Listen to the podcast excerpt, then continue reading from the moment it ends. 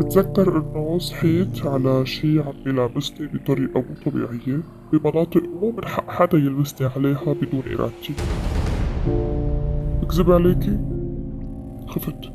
خفت بطريقة ما بذكر إنه سبق وخفت فيها هالقد رحت على الصيدلية اشتريت مشدات اللي بيستخدموها الرياضيين للرطوب ولفيت فيها صدري حتى يبطل يبين انه عندي صدر مثل البنات. عم تسمعوا حلقة جديدة من بودكاست شرف. فيني ما حدد مكان أو زمان؟ وأنا عم أحكي لك. إيه طبعا فيكي. أنت حرة قولي اللي بدك إياه. وحتى بعد ما نخلص تسجيل وإذا تذكرتي شي محبة تقوليه وقلتيه خبريني بنحذفه. بس تجهز الحلقة. إذا بدك بسمعك إياها كمان بتحطي ملاحظاتك. ولو عندك موقف من أي شيء وغيرتي رأيك فأنا جاهزة نتعامل معه فينا نحذفه أو نعدله بيعنيني كتير تعرفي إنه راحتك أهم شيء أهم من كل شيء وإذا خلصنا تسجيل وما حسيتي إنه هالبوح مفيد أو مهم لإلك بشكل من الأشكال كمان حقك القرار عندك من البداية للنهاية عن جد؟ ليش حتى ما يكون عن جد؟ شو قررتي؟ بعد كل هالحكي المريح أكيد بدي أحكي وأنا عم أسمع.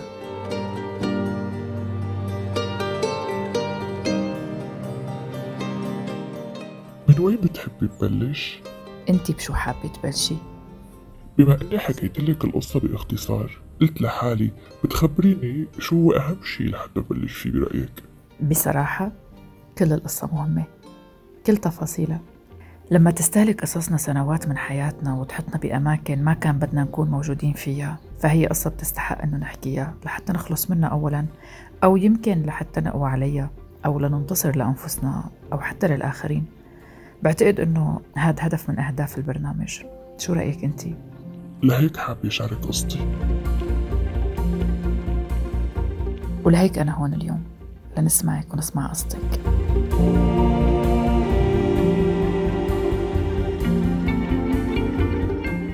يا ستي قصتي إني مثل كتار من الصبايا بمجتمعنا. ما كنت مصدقة آخذ البكالوريا لحتى سافر على الجامعة. وكان برأيي أحلى شي بهالمرحلة إني رح أستقل عن أهلي وأملك حريتي ولا مين يسألك وين رايحة ولا حتى يملي عليكي أوامره. هاد مسموح وهاد ممنوع. رجعي الساعة كذا لا تتأخري لا تمشي مع فلانة لا تحكي مع علان. هلا بس حتى ما يفهموني المستمعين غلط.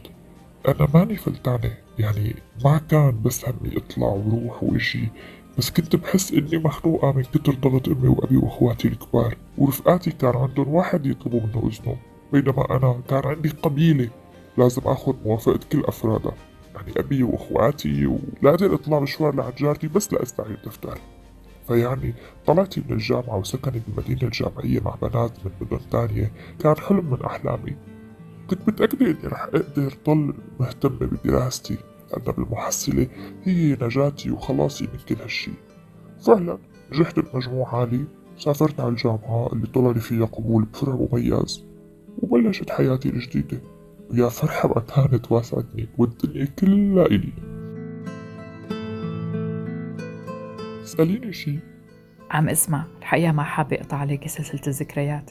إذا تركتيني بحكي كتير ها وممكن أحكي شغلات بطعمة وشغلات بلا طعمة أنت هيك بتفكري. هلأ إذا برجع بسمعك شو حكيتي بتكتشفي إنه ما مرق ولا كلمة بلا طعمة. يلا يلا. يلا كملي لي. كيف بلشت هالحياة؟ وين المنعطفات المهمة؟ لا تقطعي سلسلة أفكارك.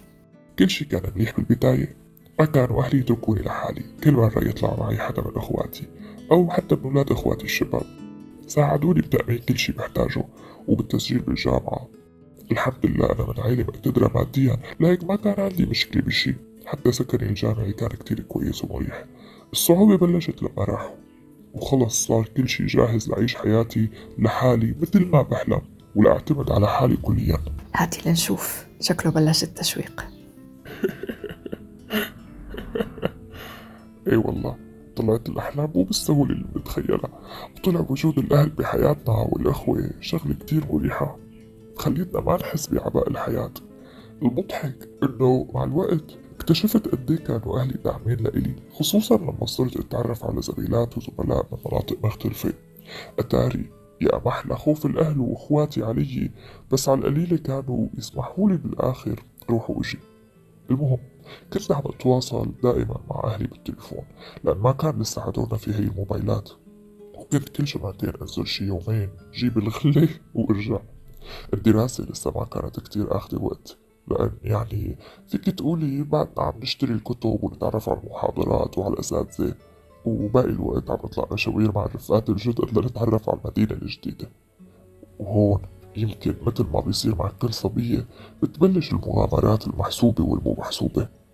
ما بعرف بشو بدي بلش لك بس هي الفكرة إنه بلشت أتعرض لمواقف بسيطة بس ما كانت مريحة. المواقف كانت من شباب معنا مثل يعني مرة تكون تلطيش خفيف مرة تكون تسميع كلام مرة تكون اختبار لطاقتنا على تحمل غلاظة الغليظ بس كلها بتنصب بخانة وحدة. وين بتصب؟ تلميحات جنسية. فيكي تشرحي لي أكتر إذا هالشي ما بضايقك؟ لا لا ما بيضايقني. أنا جاي لحتى أحكي كل شي بس خديني بحلمك شوي شوي. أنا معك كل نهار. على مليون من مهلك. خلينا نشرب شي.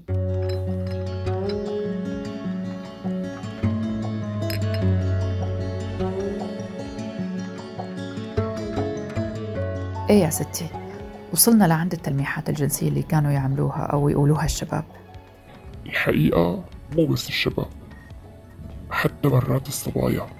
طيب هاتي احكي لنا من وين بتحبي تبلشي. يعني مثلا بذكر لما كنت عايشة مع أهلي كان في نوع من الاحترام وإنه كل حدا كبير أكبر مننا بنناديله أستاذ أستاذ فلان أو عمو أبو فلان. يعني مثل عنا عمو خاله وهيك. إيه بالمدينة اللي درست فيها جامعتي فاجأني إنه ما في حدا أستاذ أو عمو. كلهم بيخانقوكي إذا قلتي لهم عمو وإذا قلتي لحدا أستاذ بيقلك ارفعي الكلفة مو بيناتنا. والحقيقة كان الموضوع صعب شوي علي لأنه مع رفع الكلفة في شغلات تانية بترتفع. وهي سقف الأحاديث والمفردات والنكت وغيرها. وكأنه يعني هاد مرتبط بهاد. بدك تتعاملي معنا بدك تقبلي كل هالشي. الغريب إنه مع الوقت بتتطور القصص وبتصير بتوصل بتصير بتوصل مرات للملامسة الجسدية. يعني اليوم التقيت بعمو فلان أو بالأستاذ علتان بكرة بيقول لي بلاها عمو أو بلاها الكلفة لا تقولي لي أستاذ.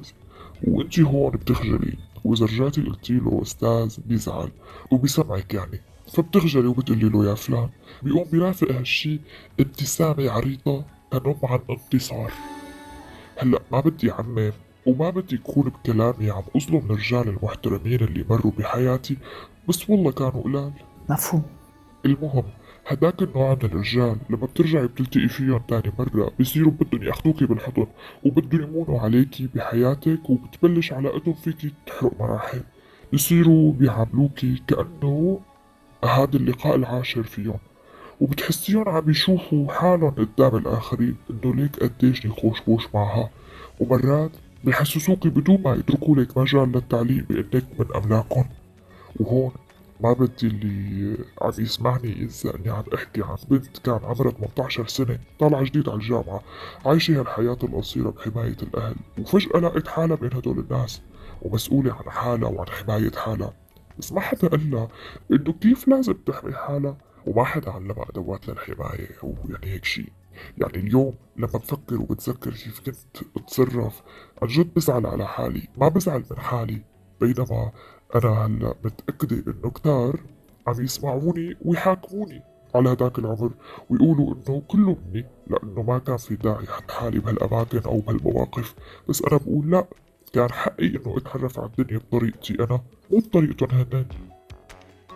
واليوم بتأكد إنه هالتجارب القديمة الصعبة كتير فادتني بحياتي وبتعاملي مع أولادي مع بنتي ومع ابني يعني اليوم ما بحرمهم من الحياة وإنما بخبرهم إنه في بهالحياة وحوش وناس بشعة وبعلمهم كيف لازم يحموا أنفسهم ويتبنوا حياتهم ويرتكبوا أخطاء. لازم يرتكبوا أخطاء بس تفيدهم ما تخليهم يحسوا بالندم. كتير بقدر اللي عم تحكي. طيب خلينا نرجع للمواقف. المواقف ما بتخيل إنها خاصة أو إنه ما مرت على حدا تاني. اليوم بحس أو إني متأكدة إنه كتار مروا بنفس مواقفي. بس ما بعرف إذا ردود أفعالهم كانت مثل ردة فعلي أو بقساوتها على نفسي. قبل ما تبلشي تحكي عن ردة فعلك اشربي لك شفة قهوة. حاضر.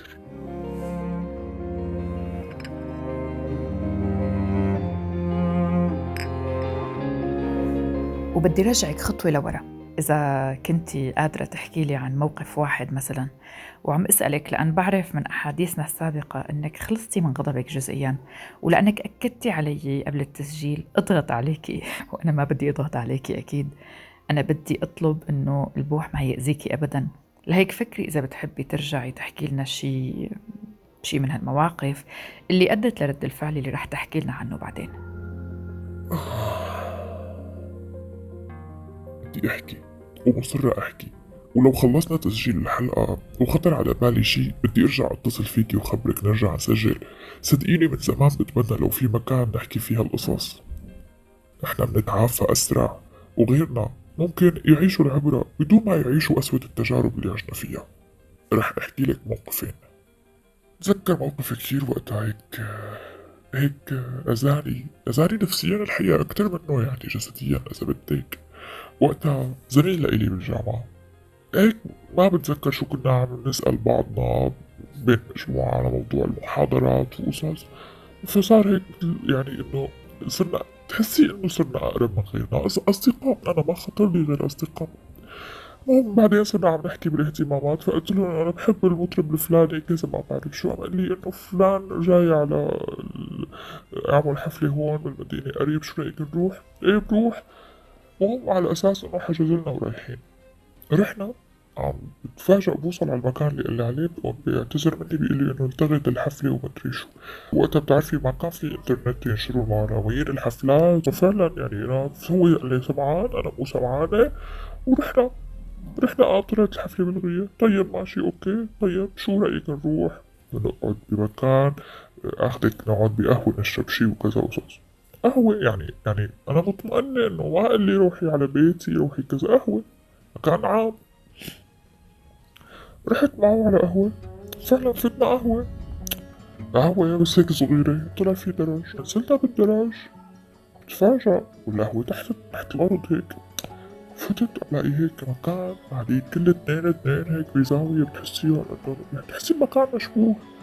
بيرجع كنت صغيرة وجبانة ورحت. أختار طاولة بزاوية وقعدنا شبت الشبي؟ إجا الجرسون شبت الشبي؟ طلبت عصير في شوي هيك بلش يتقرب قعد لسه فيني بلش يتقرب مني وصار هيك بده يعمل حركات وقصص وأنا معجب هيك وكذا وقصص. أول ما بلش يعني يقرب هيك ويلمسني هيك على إيدي وكذا كان عندي إحساس كتير بشع تجاه الشي اللي عم يصير بس ما عم بعرف آخذ موقف. بس يعني لما بلش بده يتمادى قمت هيك وقفت اعتذرت منه. قلت له أرجوك أنا هذا المكان ما بيناسبني. لا لا تفهميني غلط. أنا ما بعرف شو. ما بدي أفهمك لا غلط ولا صح. طلعني من هون. فعلا حملت حالي وطلعت.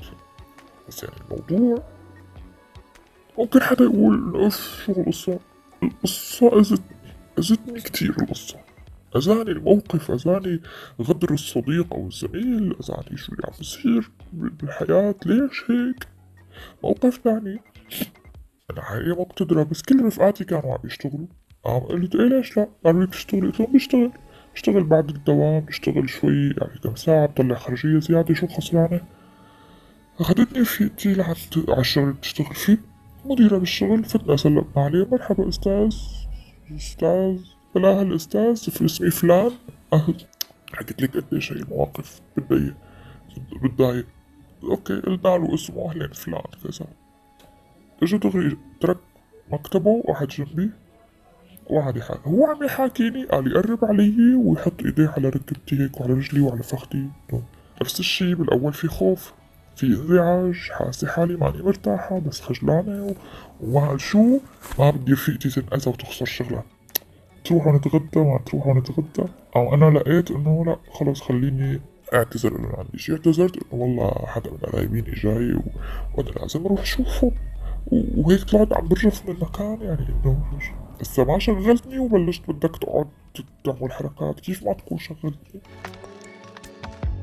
هلأ هدول موقفين من مواقف كتار مريت فيها. تم محاولة استغلالي فيها بس في مواقف أخف مثل إنه مثلا زميلي مون حاله علي ويعتبر إنه من حقه يحكي لي عن حياته الجنسية وكيف ضحك على فلانة. أو مثلا زميلي يتعدى حدوده بدون ما يستأذن وبلش يحكي لي نكت قليلة أدب وفيها إيحاءات وكأنه عم يمهد لأشياء تانية. المهم مع كل شي مرق معي بس كنت بتمتع بشخصية شوي قوية تخلي هالقصص تنتهي بخسارات أقل. بس اللي بيزعلني إنه بعرف إنه في غيري من الصبايا ما كان عندهم هالقوة أو الأسلوب فعلا لحتى ينجوا بحالهم من حقارة البعض. أنا كتير ممنونة لشجاعتك إنك قادرة تحكي كل هدول القصص حقيقة. بعرف قديش الموضوع ما انه بهالبساطة إنه الواحد يحكي هيك قصص مرقت بحياته والمجتمع ممكن يحاكموا عليها. إذا ما عندك مانع بدي رجعك لمكان بحديثك قلتي لي فيه إنه مو بس من الرجال. شو كان قصدك؟ إيه شكرا. ذكرتيني هاي قصة مهمة كتير ولازم تنذكر.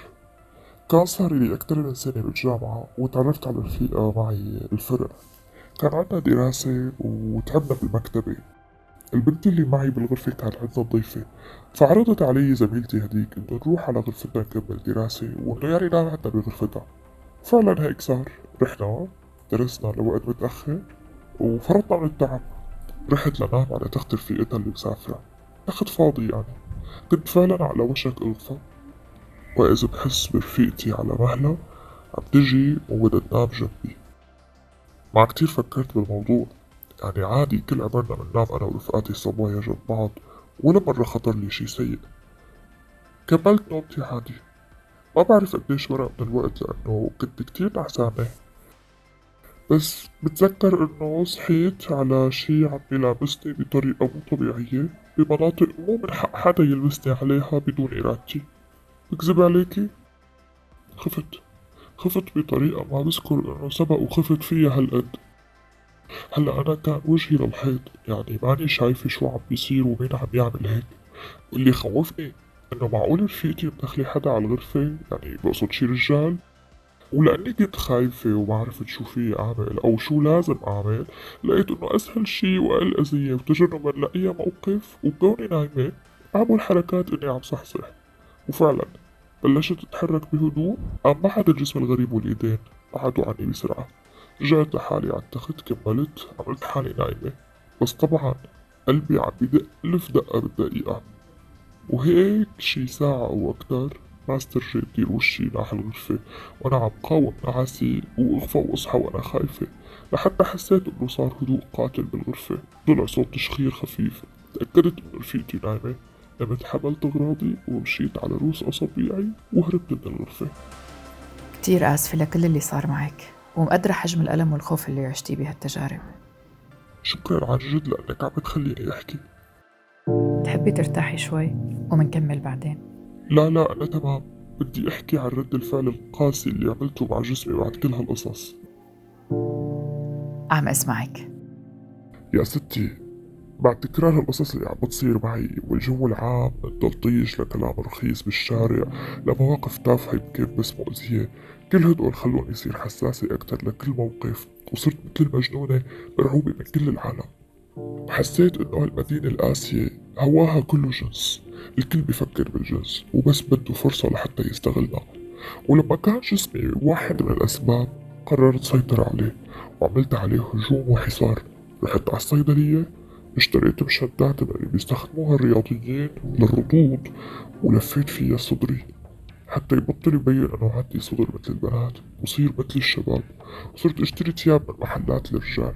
بناطيل فاضية قمصان تيشرتات رجالية طواقي رجالية وإكسسوارات خشنة من هدول تبع الشباب بس لحتى أخفي كل ملامح الانوثة اللي حسيتها هي السبب بتعاستي صرت أرفع صوتي بالحديث وأحكي مثل الرجال. وارتحتي؟ وارتحتي لما عملتي هيك؟ شو صعب الجواب؟ فيك تعتبري إنك ما سمعتي هيك سؤال. لا لا صعب الجواب بس لازم أحكي. لا ما ارتحت بس يمكن ما كان عندي وسيلة تانية لحتى أحمي حالي غير هيك. وبعدين؟ ضليت على هالحالة فوق الخمس سنين لدرجة نسيت حالي وفعلا صرت شاب مو بنت وإذا بتنتبهي لهلأ عندي جلاءة الرجال بكتير من تصرفاتي رغم كل محاولاتي. رح تسأليني كيف قدرتي تتخلصي من هالشخصية وتتزوجي؟ صح. كان في احتمال أو كنت عم فكر بهذا السؤال. وكأنه هالحياة بتقسى عليكي لغايات. حياتي كانت قاسية لحتى لقيت زوجي وتعرفت عليه وأنا بقلب هالدوامة اللي حاطة حالي فيها. تخيلي؟ حبني حسيت بهالشي. بدون ما نحكي صرت شوي شوي بتخلص من تفاصيل شخصيتي المستعارة خلصت بالبداية من الإكسسوارات الغليظة. بعدين صرت بدي خلي شعري يطول. بعدين شلت الكاسكيت. وشوي شوي وحتى ما كتير يبين التغيير واضح وسريع. صرت غير شكل ثيابي بس ما تجرأت ولبست فستان غير لبعد ما اعترف لي بحبه عن جد وارتبطنا. وأول مرة رجعت لبست فيها فستان صرت أبكي. وما كانت آخر مرة ليكي ما أحلاكي اليوم بالفستان اللي لبستيه شكرا هذا من ذوقك القصة صار لها خالصة أكتر من عشرين سنة. اليوم عندي بنت صبية بتجدد ما خليتها تفوت بدوامة القهر اللي فتت فيها لأحمي حالي وإنما عرفتها على حالها بكل مرحلة عمرية بطريقة تناسب عمرها مع الوقت كبرت وصارت متصالحة مع جسمها وبتحبه وبتعرف تحميه كمان. أو على الأقل هيك بتمنى. الأهم علمتها تدافع عن حالها عن جسمها وعن روحها وعن نفسها بطرق أبسط وأقوى. علمتها كيف وإمتى تقول لأ وبتمنى فعلا كون نجحت. ونفس الشي مع عمي كمان كنت صديقته بكير. ووعيته على أهمية إنه يكون رجل محترم ويقدر حاله ويحترم الآخرين وتكون علاقته بالأنثى ابتداء مني كأمه ومن أخته ورفيقاته وزميلاته علاقة ود واحترام ولما يحب يقدر هالمشاعر ويحترمها وكمان بتمنى أكون نجحت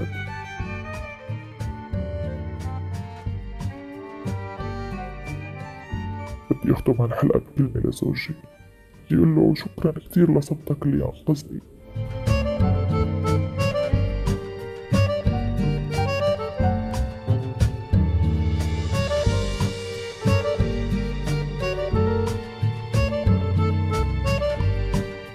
إذا كنتوا وصلتوا معنا لهالجزء من الحلقة فبدي أتشكركم حتى لو كنتوا قلال.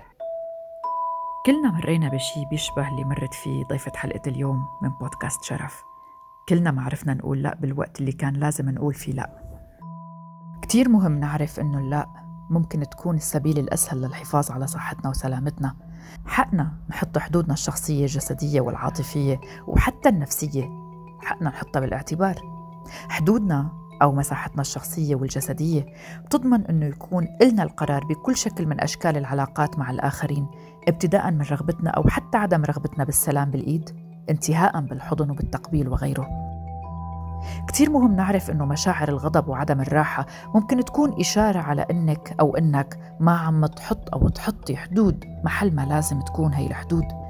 أنتو كمان بتقدروا تخبرونا عنها من تجاربكم فيكن تراسلوني بشكل شخصي أو تراسلوا صفحة الراديو. بس الأهم من كل شي صار ما هي وجهة نظري على الأقل إنه ما نندم وإنه نحكي بالوقت المناسب وما نخلي هالغضب اللي شكلته بعض القصص اللي مرقت بحياتنا غصب عننا يوقف عائق قدام أيامنا اللي جاية اللا مهم نتعلم نقولها بوقتها الصح ومهم أكتر ما نجلد أنفسنا إذا شي مرة نسينا نحط اللا الصح بالوقت والمكان الصح لأن الحياة بتضل تعلمنا وبتساعدنا على صنع قرارات أفضل بالمرات المقبلة ولا أنتو شو رأيكم؟